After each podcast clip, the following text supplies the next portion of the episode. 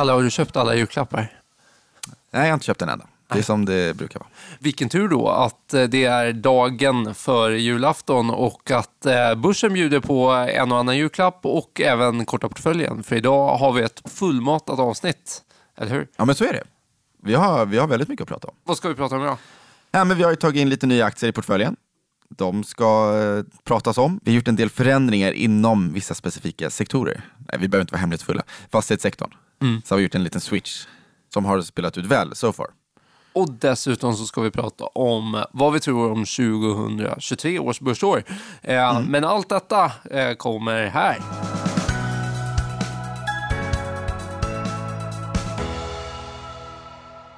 Senaste börsveckan har ändå varit lite lugnare ska jag säga. Eh, förra veckan då var det ju alla, eh, vi hade Fed eh, centralbanksbesked, vi hade inflation i både Sverige och USA. Det har varit lite lugnare nu. Skönt. Men börsen har fallit tillbaka lite. Sverige minus 4 procent, eh, S&P 500 minus 2, Nasdaq minus 4. Vad är din summering om börsveckan? Nej, absolut. Det har varit lugnare nu, men om vi, senast vi var i den här podden var det två veckor sedan och sen dess har det ju hänt väldigt mycket och vi hade ju, jag vet ju att vi pratade då att vi har en makrotung vecka framför oss och den kom och den var svettig. Ja. Eh, Vi hade ju, och det var ju framförallt centralbankerna med Fed och också Europeiska centralbanken, ECB. Kanske var de som var eh, ovanligt, eller oväntat hökaktiga. Det var nog nästan det som påverkar börsen mest i alla Ja, fall. det kändes som det. Då fick det verkligen bägaren att rinna över. Vi har ändå varit ganska, börsen har ju varit ganska positiv ändå. Vi har sett en ganska stark rekyl, vi har pratat om börsrally, eller ju- julrally om det skulle hålla hela året ut. Eh, nu känns det som att det inte gör det. Och det är väl egentligen rädslan för att Fed, de, de väljer att fortsätta trycka på bromspedalen och de höjer sin räntebana. Samma sak med ECB och det var kanske lite mer än vad marknaden hade trott. Och eh, ja, man är rädd för att det här kommer leda till att det blir en tuff lågkonjunktur som, som, som väntar nu under 2023. Ja, och eh, bara igår så fick vi in lite data från Konjunkturinstitutet, eh, svenska myndigheten. Och Ja, de, det var deppig läsning. Ja, det var deppig läsning. Och de spådde ju dels lågkonjunktur fram till eh, 2025 i alla fall. Och eh, så spådde de väl en kraftig inbromsning för bostadsbyggande och allt sånt. Så egentligen inte så mycket nyheter. Det som däremot var lite nytt, som ändå var eh, lite bra för börsen, det är att de tror att eh, den här lågkonjunkturen smäller jättehårt mot inflationen. Eh, så att vi under 2024, 25, 26 kommer ligga under inflationsmålet. Så det är först fram 2027 som vi nu upp till 2,0 procent inflation igen. Eh, vilket gör att de tror att Riksbanken kommer börja eh, sänka räntan. De tror inte på någon mer höjning, inte en enda från dagens läge. Alltså, de flesta marknadsaktörer tror väl ändå på 25 punkter i februari. Men det gör inte de, utan de tror på en räntesänkning redan 2024. Tror de att vi ska sänka tre gånger och sen 2025 ytterligare en gång ner till 1,5 procent. Och det hade ju varit bra för lite räntekänsliga bolag, till exempel fastighetsbolagen. Verkligen. Och man brukar säga att börsen generellt mår bättre i ett klimat där det är ökad likviditet. Och den går sämre när det är sämre likviditet. När centralbankerna skruvar till eh, kranen eller skruvar upp kranen. Så att ja, men, men dit är det ju en bit också. Ska ju tilläggas. Men jag håller med dig, det är ju verkligen en diskrepans mellan vad, vad marknaden tror om, om räntan och vad centralbankerna tror om räntan just Ja. nu. Fed var ju tydliga med att det blir ingen sänkning nästa år, men det är ganska många på marknaden som tror att jo, ni kommer behöva sänka räntan nästa år. Ehm, och då är frågan om det är positivt att det ska bli så jävligt i ekonomin att Fed känner sig tvingade att sänka. Det är ju inte bra för börsen heller. Prata om vinstestimat har vi pratat om i hela året. Ja, för det är ju verkligen det som är relevant i det här. Att eh, det låter, ur, hade man kunnat plocka bort vinstestimaten och att de inte påverkas av allt det här, då låter det ju ganska bra att det blir så jäkligt i ekonomin så att eh, vi behöver sänka räntan. Men det kan vi ju inte göra, utan vinstestimaten lär ju påverkas jättemycket och, frågan, och det ligger ju inte med i korten. Så att, eh, Ja, vi får se. Eh, man vill lägga de bolagen som inte eh, behöver skruva ner jättemycket, men frågan är vilka det är. Ja, och det är väl det som blir så svårt nästa år. Och så ska man ta in, ta in värderingen. Jag tänker också, om vi sett en räntetopp ska marknaden vara lite mer tillmötesgående mot tillväxtaktier. Med, med kanske lite högre multiplar, P 20, kanske inte behöver vara P 10 på allting. Man kanske vill äga bolag som kan växa bra i en sån här marknad och göra det till 20 gånger årsvinsten. Kanske. Och eh, på tal om just eh, tillväxtbolag med låga multiplar så hade jag tänkt på en notering att portföljinnehav, Embracer. Mm. Eh, de gör eh, idag när vi pratar här, igår när ni lyssnar, den 22 december, sin första dag på huvudlistan. Eh, på, de går från First North till, direkt till Large Cap. Det, det är ju 60 miljarder, så det är ett jättebolag. Um, det är väl lite kul, men det brukar ju inte ha någon större kurspåverkan. Idag är den upp 1,5 procent.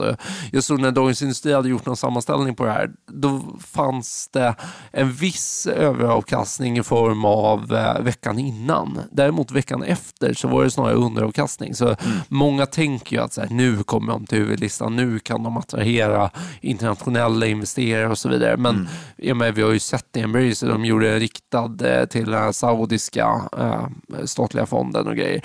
Så de har ju kunnat dra in eh, internationella investerare innan. Yeah. Men eh, fortfarande tycker vi ett eh, intressant case att äga i spelsektorn. Hela spelsektorn är ju väldigt nedtryckt. Mm. Alltså nu pratar jag ju gaming. Mm. Eh, väldigt nedtryckt. Vi pratar ju ev-ebita typ 5-6 eh, på många bolag.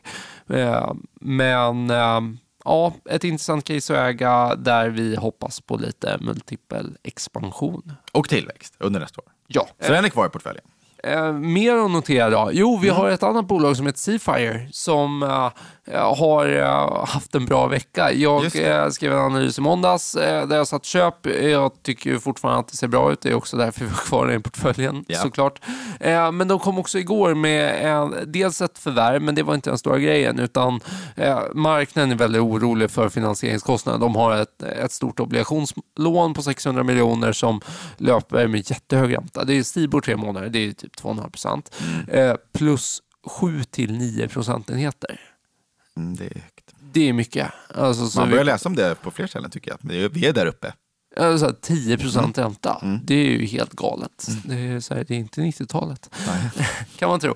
Eh, men i alla fall, så eh, de eh, behöver ju göra något med det här eh, såklart. Och i mars 2023 så finns en refinansieringsmöjlighet på den här obligationen där de ganska enkelt kan lösa den. Och jag spekulerar väl lite i det i måndags, men jag behövde inte vänta så länge, för igår så kom då nyheten om att de har fått ett lånelöfte på 350 miljoner från en bank. De skrev inte vilken bank och till vilken ränta och så såklart. Men eh, uppenbarligen så är det ju ganska mycket mer förmånligt. Annars har de inte gjort detta. Och sen så tog de 250 miljoner och gjorde en eh, riktad nyemission till flera av Creades eh, som är största ägare varit in via en kapitalförsäkring står det väldigt tydligt. Så mm. att det inte, eh, vet inte syftet med det. Eh, men annars Handelsbanken Fonder var stora tagare och så mm. vidare. Eh, och det känns ju starkt. Och gjordes till kurs som var alltså 19 kronor. Ja. Och aktien stod ju där. Alltså, vi, som, vi, har, vi har sett andra emissioner där man sätter kursen 50% rabatt. Det, ja. det var inte 10 spänn nu eller 15 utan det var, det var, det var där aktien befann sig. Ja, ingen ja. Så ingen rabatt, rabatt eller premie, eh, typ. Nej. Nej. Nej, men verkligen. Eh, så, och det är ju jättestarkt. Det blir en stor utspänningseffekt, 30 procent, ja, men samtidigt, mm. det kommer in pengar på samma värdering där vi var och eh, räntekostnaden faller jättemycket. Så vinst per aktie kommer ju stiga mycket på grund av detta för att inte pengarna försvinner i räntekostnader innan de eh, faller ner till sista raden. Och marknaden drar en lättnadens suck. Ja, aktien öppnade upp 15 procent idag, men nu tror jag vi är kring 10 procent upp. Mm. Så det är ju skönt. Så det går in under noterat. Och det kan vi väl också eh, se att det här är ju någonting som bolagen gör mycket nu. De ser ju över sina finansieringskostnader. Hur ska man kunna lösa det här? Och det kommer inte vara alla som kan lösa det så här bra. V verkligen. Men ett annat bolag som löste det ganska bra genom en riktad var ju ett tidigare portföljinnehav, Balder. Eh, ja, just det. De, AMF, gjorde ju, exakt, de mm. gjorde en riktad 1,2 miljarder tror jag det var eh, till AMF och det handlar ju också om just att lösa en dyr finansiering, deras hybridobligationer. Som, eh, och det det handlar om där, det är lite specifikt. De har två hybridobligationer och så ska de betala tillbaka den ena. Men Eh, de hade kunnat betala tillbaka den e- ena med egen kassa och eget kassaflöde. Men om de gör det så är de här ratinginstituten, de har ju lite speciella regler om diverse olika grejer. Och om man betalar tillbaka obligationen, då ser ratinginstituten detta som att du har för avsikt att betala tillbaka även den andra då. Och då klassar de den andra som 100% skuld, men just nu så är det 50% skuld och 50% eget kapital.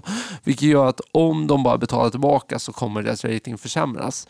Men däremot om man gör en nyemission motsvarande din liksom, eget kapitaldel och betalar tillbaka, då klassar de inte om den här andra. Så det här är en, eh, det är väl lite det som är problemet i fastighetssektorn i år, att det har känts så himla invecklat och tekniskt. Mm. Man förstår inga affärer. Så här, hur, varför gör de detta? Och det är jättekomplicerat att heja och Jag tror stor del av skulden faller på ratinginstituten som har sjukt komplext. Alltså, jag förstår inget av de här villkoren. Alltså det, det är jättekomplext, men man får nog bara förstå att man inte riktigt förstår. Eh, men det var i alla fall anledningen till den här emissionen. Det är klart att Balder, jag har spekulerat lite i eh, min senaste analys för typ tre månader sedan att en emission kanske hade varit bra, men eh, jag trodde ju inte att det skulle vara av detta syftet. Så, så att man får se se den delen att ratinginstituten har sina olika riktlinjer som nästan bolagen måste följa för att behålla sin rating. Mm. Men starkt att det finns köpare. Även där var det helt utan någon rabatt. Ja. Eh, däremot så tyckte ju, även fast det var starkt, så valde vi att kränga av Balder här om veckan. Eh, vi tyckte väl att SBB hade fallit tillbaka lite. De hade presenterat en bra intjäningsförmåga. Jag tror vi pratade om det i senaste Just podden också. Mm. Eh, så vi valde ju att göra en Uh, vad säger man, pair trade. Ja, fast vi har inte gått kort Balder. Nej, exakt. Men, men vi, vi ja. sålde Balder ja, vi och köpte mm. SBB för samma mm. pengar. Och den spreaden har blivit den bra? Bra hittills. Ja. Uh, och idag är det jättebra uh, mm. när vi spelar in detta. Så att, mm. vi tyckte att det såg lite billigare ut på kort sikt. Så, att, mm. så ligger vi positionerade i portföljen just nu.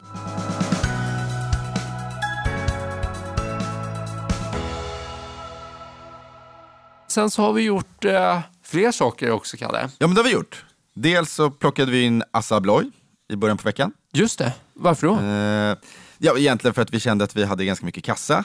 17 procent om jag inte missminner mig. Aha. Och vi ville väl ligga lite närmare index kanske. Vi hade ett försprång på 3 procent. Börsen hade kommit ner mycket. Eh, börsen var väldigt översåld. Och då kände vi att här har vi ett eh, bolag som, som, som ligger nära index men också som har en intressant, alltså Assa Abloy sysslar då med lås.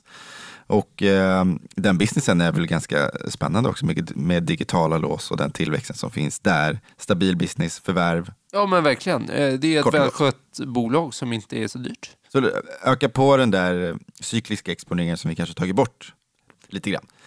Eh, och sen har vi också då tagit in Loomis. Mm. Som jag tänkte att vi kunde prata lite mer om nu faktiskt. Ja. För det här är ju ett bolag som, meningarna går ju alltid isär. Vissa hatar dem och vissa tycker att de är bra. Och det här är ju kontanthantering och det kanske inte känns superhett i dagens samhälle. Eh, men det är också lite lätt att bli hemmablind. Och jag menar i Sverige, det är inte så mycket kontanter i omlopp här, inte i alla fall när man går på stan. Känns inte som det. Nej, när betalade du senast med kontanter? Det måste vara tio år sedan. Känns. Ja, men det var länge sedan alltså. ja. Det var länge sedan. Eh, men så ser det inte ut i övriga världen. Och det, och, och, och det är väldigt lätt att glömma bort. Och eh, det här bolaget levererar ju kvartal efter kvartal, trots att marknaden försöker liksom de är allmänt skeptiska till det här caset. Och absolut, strukturella trenden, nej, den är väl inte mer om. Och varför det kanske också värderas i P8, vilket är lågt, väldigt lågt. LP9 kanske till och med är nu. Men eh, om vi bara går tillbaka och ser under året då, så har de ju ändå vuxit sina intäkter med 30 procent. Det är bra, varav 15 procent är organiskt. Eh, fått upp lönsamheten också, så att eh, den är upp ungefär 10 procent. Nu har vi en rörelsemarginal på nästan 11 procent.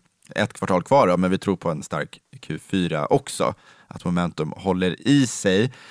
Och men det blir väl så när vi pratar om deras affärsmodell så alltså, kontanter är faktiskt världens eh, mest eh, använda betalningsmedel fortsatt. Och eh, Loomis har ju en marknadsledande position, man har banker och retail som kunder och de kanske gärna också fasar ut den här verksamheten lite mer. De vill inte hålla på med det här så mycket utan de tycker det är jätteskönt att man bara kan lägga allting på Loomis och de sköter allting. Um, så att jag menar, det, det de gör är ju att säkerställa eh, det här kontantutflödet, som, att det liksom cirkulerar snabbt, eh, kostnadseffektivt och att det görs säkert. Alla har säkert sett de här stora Loomis-tanksen, ser det nästan ut som. Värdetransporterna som åker runt på gatorna överallt i världen. Och vi menar också på att de har en stark balansräkning, kan göras förvärv. Det går ju att växa på olika sätt. Och Loomis har varit duktiga på det historiskt, att man har liksom konsoliderat den här marknaden. Man har gjort förvärv för att på så sätt lägga på sig större marknadsandelar också.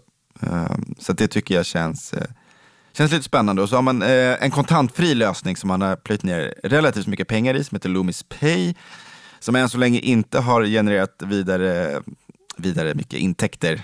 15 miljoner kronor för att vara exakt under 2022. Det är inte så mycket när man har en omsättning på 23 miljarder. Oj, nej, det är Eh, försvinnande. Ja, det försvinner lite. Eh, och det har väl kostat dem 150 miljoner kronor under 2022. Eh, men, nu vänder det tror jag.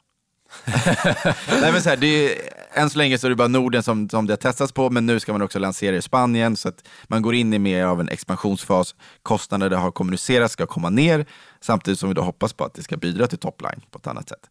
Så det skulle kunna vara en liten, en liten, liten trigger i alla fall. Ja. Och kanske någon, någon typ av långsiktig positiv grej för, för det här bolaget. Då. Så att, eh, ja men någonstans så tycker vi att det, till den väldigt låga värderingen så känns det helt okej att, att köpa in det här bolaget nu. Det har gått starkt i år, eh, givet då att vi har sett en väldigt stark sifferleverans. Man har inte fått någon hjälp av någon multipel expansion här inte, utan eh, den, vi har den låga värderingen. Och det känns väl också skönt att gå in i 2023 med någonting som faktiskt väntas växa ganska fint eh, under Q4 och under 2023 tror väl vi också, och till den låga multipeln. Man kan ju säga massa saker om Loomis och eh, det är ju precis som du är inne på den negativa strukturella trenden. Att det känns givet att eh, digitala betalningar av olika slag, antingen med eh, kort som väl ändå får klassas som någon form av digitalt eh, och sen mobil och så vidare. Det, det kommer växa snabbare än kontanter. Men det känns också givet att kontanter kommer att finnas kvar extremt länge. Alltså så här, för det, vi pratar ju inte bara de här dunderutvecklade marknaderna Norden. Liksom så, utan, menar, det finns ju många platser på jorden där du inte har stabil tillgång till el, eh, Ja. men du måste kunna betala. Men det, det räcker att åka till Tyskland bara. Ja.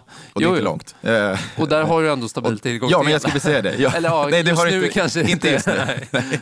Men jag förstår vad du menar. Nej, men så är det verkligen. Uh, ja, och jag tänker dessutom, här, nu vet jag inte hur, hur stor impact du har, men jag tänker med en kryptovärld som har havererat Mm. Och fintech-sektorn som är lite grann i, i gungning så kanske, kanske kontanter kan öka lite status. Och eh, det är ju också, du var ju inne på det, det finns också en poäng i att vara en marknadsledare i en väldigt långsamt men ändå någonstans utdöende bransch. Eh, För det betyder att konkurrensen kommer att försvinna Ja, det är ingen som vill ta sig in det där och Nej, fightas. Ja, men det Nej. är ju inte det. Nej. Och så trycker ner marginalerna. Nej. Så att det, det brukar ju generellt så att vara så i branscher som långsamt försvinner eller minskar. Eh, då kan du antagligen höja marginalerna lite och tjäna ganska bra pengar på de åren. Och sen hur många år det är, det vet man inte riktigt. Men i Loomis fall så är det många år. Alltså om Mm. vi tänker P7, det betyder mer än sju år. Så att, att man inte ska igen sina pengar, det känns osannolikt. Eh, det kanske är hundra år, vem vet? Eh, Nej, men verkligen. Så är det ju. När en marknad är, när den är het å andra sidan, då vet vi ju. Är det någon som är marknadsledare, men då får de slåss om den här positionen. Och det brukar ju då kosta i form av lägre marginaler. Så Ja. här har det omvända. Och det är ju bara helt logiskt. Ja, ja. Så här, Nej, marknadsekonomin. ja, in, ny kommer in som prispressare och alla behöver sänka marginalerna. Men det, det har vi ju, om man tänker bankerna tjänade en gång i tiden jättemycket pengar på courtage. Mm. Det gör de ju inte nu. Utan det är Avanza Norden som har tagit det. Ja, och nu kommer Saver och andra som ska lansera aktiehandel. Det ska bli spännande att följa. Men Mm. eh, sidospår. Eh, Loomis, eh, intressant case. Ja, som åker in i portföljen kring 287 kronor. Vi får väl säga exakt när vi publicerar inlägget, men någonstans där. Den har kommit ner lite grann på slutet. Och då Ja. kände vi att eh, nu har vi fått en, en andra chans i den här aktien som har gått fantastiskt starkt i år. Så vi får se. Spännande.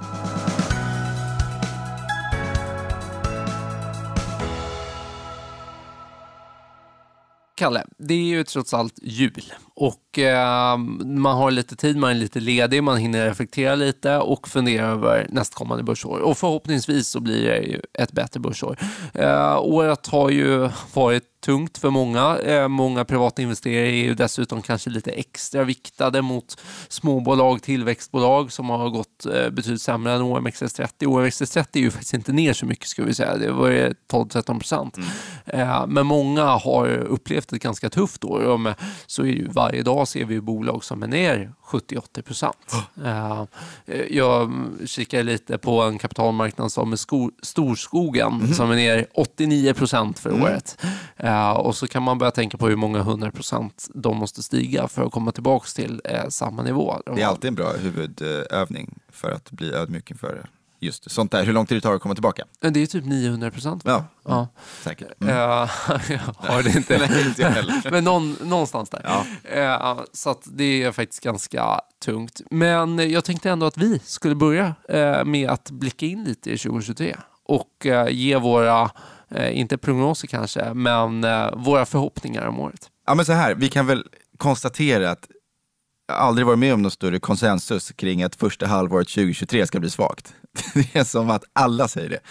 Uh, och då vet jag inte, ska man gå contrarian eller ska såklart så finns det ju väldigt tunga argument för det här. Det går inte att komma ifrån.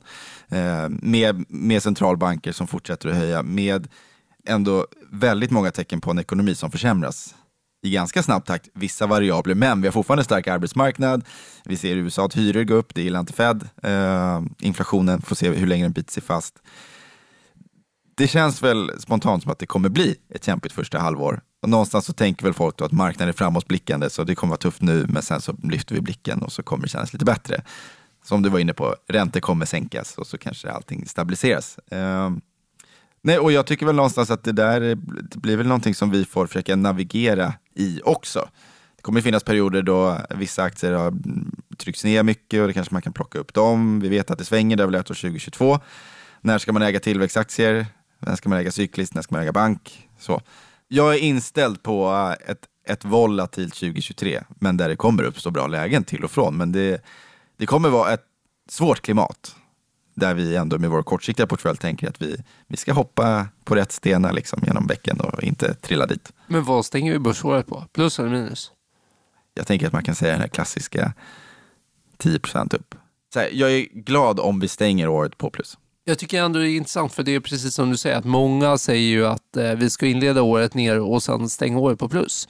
Och eh, då är jag lite av eh, tanken att marknaden är mer effektiv än det. Eh, tror vi att vi ska stänga året på plus så kommer vi inleda positivt på börsen även om makron kommer in dåligt.